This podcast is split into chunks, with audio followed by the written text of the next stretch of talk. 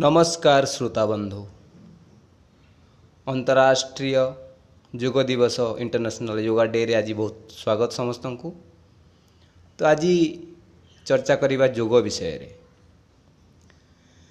ଯୋଗ କହିଲେ ଆମେ କ'ଣ ବୁଝୁ? ସାଧାରଣତଃ ଆମେ ଯଦି ଦେଖୁ ତ ଯୋଗ କହିଲେ ପ୍ରାଣାୟାମ ବା କିଛି ଆସନ ବା କିଛି ଏକ୍ସରସାଇଜ୍ ଏହି ଭାବରେ ଆମେ ଯୋଗକୁ ବୁଝିଛୁ ଆଜି ପର୍ଯ୍ୟନ୍ତ। ଅନେକ ପ୍ରକାର ଯୋଗ ଆସୁଛି ଟିଭିରେ ଅନେକ ପ୍ରକାର TV actress Hollywood movie actress କେତେ ଯୋଗ ଗୁରୁ ଯୋଗ ନାମରେ ବହୁତ ସାରେ ଶିକ୍ଷା ଦେଉଛନ୍ତି ଠିକ୍ ଅଛି କିଛି ଅସୁବିଧା ନାହିଁ ଏଇଟା ବହୁତ ଜରୁରୀ ମଧ୍ୟ ବହୁତ ଭଲ ସ୍ୱାସ୍ଥ୍ୟ ପାଇଁ ତ ବାସ୍ତବିକ କ'ଣ ଯୋଗର ଅର୍ଥ ଏଇଆ ନା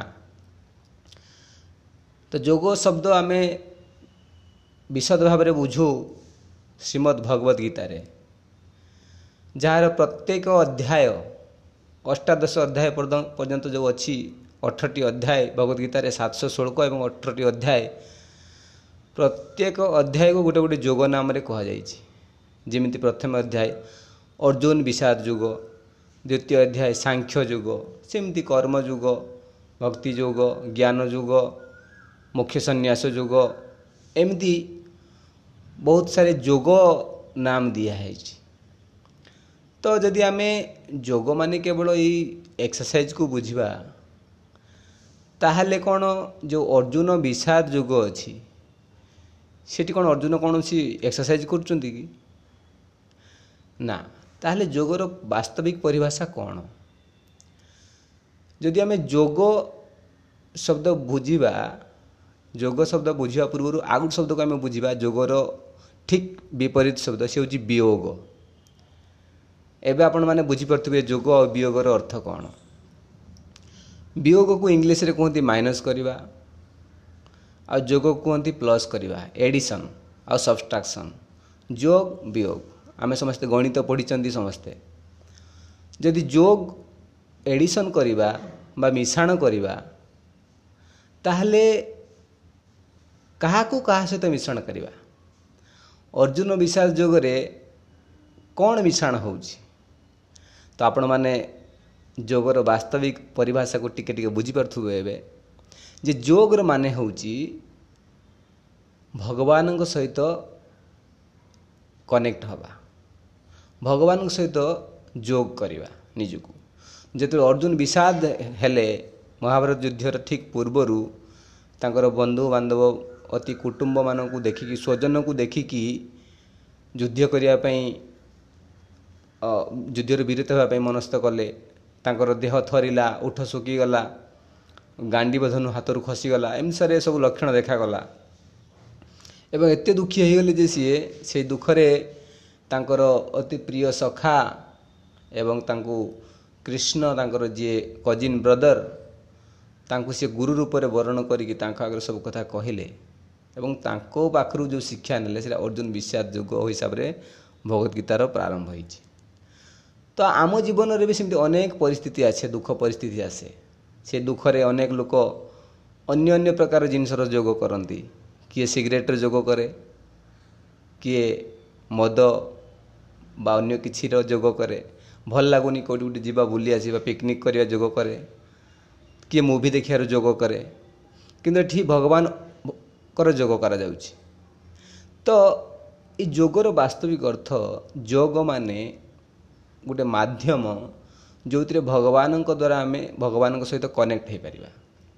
ଭଗବତ ଗୀତାରେ ମୁଖ୍ୟତଃ ପାଞ୍ଚଟି ବିଷୟବସ୍ତୁ ଉପରେ ଭଗବତ ଗୀତା ପର୍ଯ୍ୟବେସିତ ଯେଉଁଟାକି ଆତ୍ମା ଦ୍ୱିତୀୟରେ ଈଶ୍ୱର ବା ପରମାତ୍ମା ଆଉ ତିନିଟା ଜିନିଷ ହେଉଛି ପ୍ରକୃତି କାଳ କର୍ମ। ପ୍ରକୃତି କାଳ କର୍ମ ହେଉଛି ଆତ୍ମା ଆଉ ପରମାତ୍ମା ଭିତରେ କନେକ୍ସନ୍ ହେବାର ଏଇ ତିନିଟା ମାଧ୍ୟମ। ତାହାରି ମାଧ୍ୟମ ଦେଇକି ଆମେ ଭଗବାନଙ୍କୁ ଆମକୁ ରିଲେସନ୍ ରଖିବା ପାଇଁ ପଡ଼ୁଛି। ଆମ ଭିତରେ ଭଗବାନଙ୍କ ଭିତରେ ଆମେ ମୋ ଭିତରେ ଭଗବାନଙ୍କ ଭିତରେ ଆମେ ପ୍ରକୃତି ଭୌତିକ ପ୍ରକୃତିରେ ଅଛୁ ଅଛୁ କାଳର ପ୍ରଭାବରେ ଅଛୁ କର୍ମଫଳ ଆମର ଅଛି। ତ ଏସବୁକୁ ଲକ୍ଷ୍ୟ କରିକି କ'ଣ କଲେ ଆମେ ଭଗବାନଙ୍କ ସହିତ ପୁଣି ଯେଉଁଟା ଆମର ହଜିଯାଇଥିବା ସମ୍ପର୍କକୁ ପୁନଃ ସ୍ଥାପନ କରିପାରିବା ତାର ପ୍ରତ୍ୟେକ ମେଥଡ଼ ଦିଆଯାଇଛି ଭଗବତ ଗୀତାରେ। ସେ ତାର ନାମ ଦିଆଯାଇଛି ଯୋଗ। ଗୋଟେ ଗୋଟେ ଯୋଗ। କର୍ମ ଯୋଗ। କର୍ମକୁ ଯେତେବେଳେ ଆମେ ପାଥେୟ କରି ଭଗବାନଙ୍କର ଯୋଗ କରିପାରିବା ସେ କର୍ମ ଯୋଗ ଜ୍ଞାନ ଯୋଗ ଭକ୍ତି ଯୋଗ ଏମିତି ଏଇଟା ଗୋଟେ ଗୋଟେ ଷ୍ଟେପ୍ କହିପାରିବେ ଆପଣ। ଗୋଟେ ଗୋଟେ ପାହାଚ କହିପାରିବେ। ଭଗବତ ଧାମ ଯିବାର ଗୋଟେ ଗୋଟେ ପାହାଚ। କିନ୍ତୁ ତାର ଏଇ ଏଇ କଳିଯୁଗରେ ସର୍ବୋତ୍କୃଷ୍ଟ ପାହାଚ ହେଉଛି ଭକ୍ତି ଯୋଗ। ଆପଣ କହିବେ ଅଷ୍ଟାଙ୍ଗ ଯୋଗ ପ୍ରାଣାୟାମ ଯୋଗ ଧ୍ୟାନ ଯୋଗ ଏଇଟା କ'ଣ ସମ୍ଭବ ନୁହେଁ? ସମ୍ଭବ। କିନ୍ତୁ ଏଇ କଳିଯୁଗରେ ଆମ ମନ ଏତେ ଚଞ୍ଚଳ ଏଠି ଆମକୁ ମନକୁ କେନ୍ଦ୍ରିତ କରିକି ଯେଉଁଟାକି ଯମ ନିୟମ ଆସନ ପ୍ରାଣାୟାମ ଧ୍ୟାନ ସମାଧି ଯେଉଁଟା ଅଲଗା ଅଲଗା ଷ୍ଟେପ୍ ଅଛି ଅଷ୍ଟାଙ୍ଗ ଯୋଗର ବାସ୍ତବରେ ବହୁତ କଠିନ କଥା। ସେ ପ୍ରାଣାୟାମ ମାଧ୍ୟମରେ ଆସନ ମାଧ୍ୟମରେ ସମାଧି ମାଧ୍ୟମରେ ଆମେ ଭଗବାନଙ୍କର ଯୋଗ କରିପାରିବା। କେବଳ ଯେ ଆମେ ସ୍ୱାସ୍ଥ୍ୟକୁ ଠିକ୍ କରିବା ତା ନୁହେଁ ସ୍ୱାସ୍ଥ୍ୟ ଠିକ୍ କରିବାଟା ହେଉଛି କ'ଣ? ଯୋଗର ବାଇ ପ୍ରଡ଼କ୍ଟ ତାର ପ୍ରକୃତ ଉଦ୍ଦେଶ୍ୟ ହେଉଛି ଭଗବାନଙ୍କ ସହିତ ଯୋଗ କରିବା। ତେଣୁ ଏଇସବୁ ଯେଉଁ ଗୋଟେ ଗୋଟେ ଷ୍ଟେପ୍ ଇଏ ହେଉଛି ଗୋଟେ ଗୋଟେ ପାହାଚ ସଦୃଶ। କିନ୍ତୁ ସରଳ ଏବଂ ସର୍ବୋତ୍କୃଷ୍ଟ ଉତ୍କୃଷ୍ଟ ପନ୍ଥା ହେଉଛି ଭକ୍ତି ଯୋଗ ଯେଉଁଟାକୁ ଗୋଟେ ଲିଫ୍ଟ ସହିତ ତୁଳନା କରାହେଇଛି। ଯଦି ଆପଣଙ୍କୁ ଗୋଟେ ଅଠର ମଞ୍ଜିଲା ବିଲ୍ଡିଂକୁ ଉଠିବାର ଅଛି ଆପଣ ଗୋଟେ ଗୋଟେ ଷ୍ଟେପ୍ ଉଠିକି ଅଠର ତଲା ପର୍ଯ୍ୟନ୍ତ ଉଠିପାରିବେ କିନ୍ତୁ ବହୁତ କଷ୍ଟ ହେବ। କିନ୍ତୁ ସେଇଠି ଯଦି ଆପଣ ଗୋଟେ ଲିଫ୍ଟ ଥିବ ସେ ଲିଫ୍ଟରେ ଆପଣ ବସି ସୁଇଚ୍ ଦବାଇଲେ ଡାଇରେକ୍ଟ ଅଳ୍ପ ସମୟରେ ଏବଂ ବିନା କଷ୍ଟରେ ଆପଣ ଅଠର ତଲା ପର୍ଯ୍ୟନ୍ତ ପହଞ୍ଚି ପାରିବେ। ତ ଆଜି ଆମେ ଯୋଗ ଦିବସରେ ପ୍ରତ୍ୟେକ ଯୋଗକୁ ବିଶେଷ ଭାବରେ ବ୍ୟାଖ୍ୟା କରୁନୁ। କିନ୍ତୁ ସମ୍ୟକ ଭାବରେ ଏହା ବୁଝୁଛୁ ଯେ ଭକ୍ତି ଯୋଗ ଏ କଳିଯୁଗ ପାଇଁ ସର୍ବୋତ୍କୃଷ୍ଟ ଯୋଗ ମାଧ୍ୟମ ଯେଉଁଟାକି ଭଗବାନଙ୍କର ସେବା ପୂଜା ଭଗବାନଙ୍କର ପବିତ୍ର ନାମ ହରେ କୃଷ୍ଣ ହରେ କୃଷ୍ଣ କୃଷ୍ଣ କୃଷ୍ଣ ହରେ ହରେ ହରେ ରାମ ହରେ ରାମ ରାମ ରାମ ହରେ ହରେ ଏଇ ନାମ ଜପ କରିକି ଭଗବାନଙ୍କର ସେବାରେ ନିଜକୁ ନିୟୋଜିତ କରିକି ଆମେ ଭଗବାନଙ୍କର ଭକ୍ତି ପ୍ରାପ୍ତ ହୋଇପାରିବା ଏବଂ ଭଗବାନଙ୍କ ସହିତ କନେକ୍ଟ ହେବାର ସବୁଠୁ ସର୍ବୋତ୍କୃଷ୍ଟ ମାଧ୍ୟମ ଏଇଟା ଭକ୍ତି ଯୋଗ ତେଣୁ ବହୁତ ବହୁତ ସମସ୍ତଙ୍କୁ ଅଭିନନ୍ଦନ। ଅନ୍ତରାଷ୍ଟ୍ରୀୟ ଯୋଗ ଦିବସରେ ସମସ୍ତଙ୍କୁ ଅଭିନନ୍ଦନ ଏବଂ ଆଶା କରୁଛୁ ଯୋଗର ଏଇ ନୂଆ ପରିଭାଷାକୁ ପାଥେୟ କରିକି ଆମ ଜୀବନ ନୂଆ ପ୍ରକାର ଯୋଗ ଅଭ୍ୟାସ ଆମେ କରିବା ଏବଂ ଭଗବାନଙ୍କର ନିକଟତର ହୋଇପାରିବା। ବହୁତ ବହୁତ ଧନ୍ୟବାଦ। ଭଗବତ ଗୀତା ଷଷ୍ଠ ଅଧ୍ୟାୟ ସଡ଼ଚାଳିଶ ନମ୍ବର ଶ୍ଳୋକରେ ଭଗବାନ କୃଷ୍ଣ କହୁଛନ୍ତି ଆମେ ଯେଉଁ ଚର୍ଚ୍ଚା କଲୁ ଅନେକ ଅନେକ ପ୍ରକାର ଯୋଗର ପନ୍ଥା ଅଛି। ଅନେକ ଅନେକ ପ୍ରକାର ଯୋଗୀ ଅଛନ୍ତି ଜ୍ଞାନ ଯୋଗୀ ଧ୍ୟାନ ଯୋଗୀ କର୍ମ ଯୋଗୀ ଭକ୍ତି ଯୋଗୀ। ତ ଯେ ଆମେ କହିଦେଲୁ ଠିକ୍ ଅଛି ସବୁଠୁ ଶ୍ରେଷ୍ଠ ହେଉଛି ଭକ୍ତି ଯୋଗ ଏବଂ ତାକୁ ଗୋଟେ ଲିଫ୍ଟ ସହିତ ତୁଳନା କରୁଛୁ। ତାକୁ କ'ଣ ଆମେ ମନେ ଗଢ଼ା କଥା କହୁଛୁ। ନା ଭଗବାନ ଏ ବିଷୟରେ ଯିଏ ଯୋଗ ବିଷୟରେ ସବୁ କଥା କହିଛନ୍ତି ଭଗବତ ଗୀତାରେ ଯାହାକୁ ଯୋଗେଶ୍ୱର କୁହାଯାଉଛି।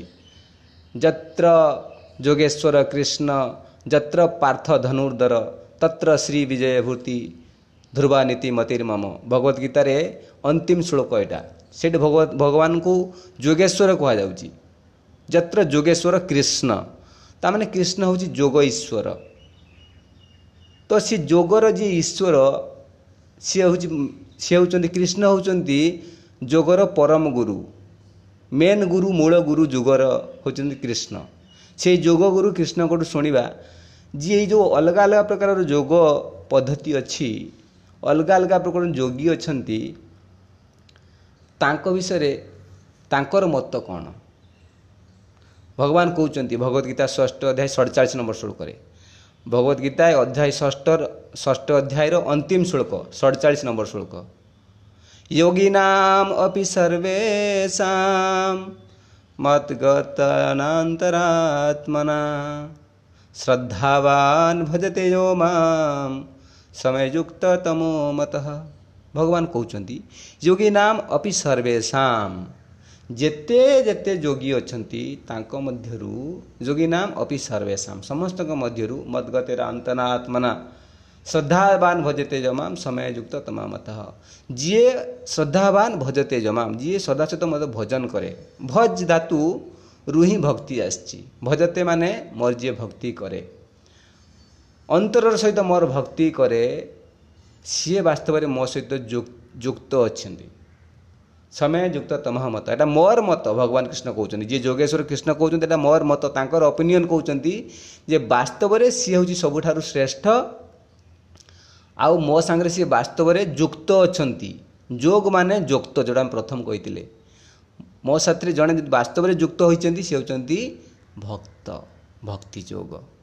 ସେଥିପାଇଁ ସମସ୍ତଙ୍କୁ ରିକ୍ୱେଷ୍ଟ ଏଇ ଭକ୍ତି ଯୋଗକୁ ଜୀବନରେ ଆପଣାନ୍ତୁ ଜୀବନରେ ପାଳନ କରନ୍ତୁ। ଭକ୍ତି ଯୋଗ ବହୁତ ସରଳ। ଭଗବାନଙ୍କର ଭକ୍ତି କରିବା ଭଗବାନଙ୍କର ପୂଜା କରିବା ଭଗବାନଙ୍କୁ ଟିକେ ଭୋଗ ଲଗାଇବା ଭଗବାନଙ୍କର ପବିତ୍ର ହରିନାମକୁ କୀର୍ତ୍ତନ କରିବା ଜପ କରିବା। କାହିଁକି ଏ କଳିଯୁଗରେ ଆଉ କିଛି ନାହିଁ। କୁହାଯାଉଛି ହରେର ନାମ ହରେର ନାମ ହରେ ନାମେ ବକେବଲମ୍ କଲଉ ନାସ୍ତେଇବ ନାସ୍ତେଇବ ନାସ୍ତେଇବ ନାସ୍ତେଇବ ଗତିରେ ଅନ୍ୟଥା। କଳିଯୁଗରେ ଆଉ କିଛି ନାହିଁ। କିଛି ନାହିଁ। ତିନିଥର କୁହାହେଉଛି ନାସ୍ତେଇବ ନାସ୍ତେଇବ ନାସ୍ତେଇବ। ଥରେ କୁହାହେଇଥାନ୍ତା ନାସ୍ତେଇବ। କାହିଁକି ତିନିଥର କୁହାହେଲା? ସବୁ ଜିନିଷକୁ କାଟି ଦିଆହେଇଛି ଏଠି ଆଉ କିଛି ନାହିଁ। ଆଉ କୌଣସି ଯୋଗ ପଦ୍ଧତି ମାଧ୍ୟମରେ ଭଗବାନଙ୍କୁ ପାଇବା ବହୁତ କଷ୍ଟ। तृण केवल हरिनाम हरे कृष्ण हरे कृष्ण कृष्ण कृष्ण, हरे हरे। हरे राम हरे राम राम राम, हरे हरे।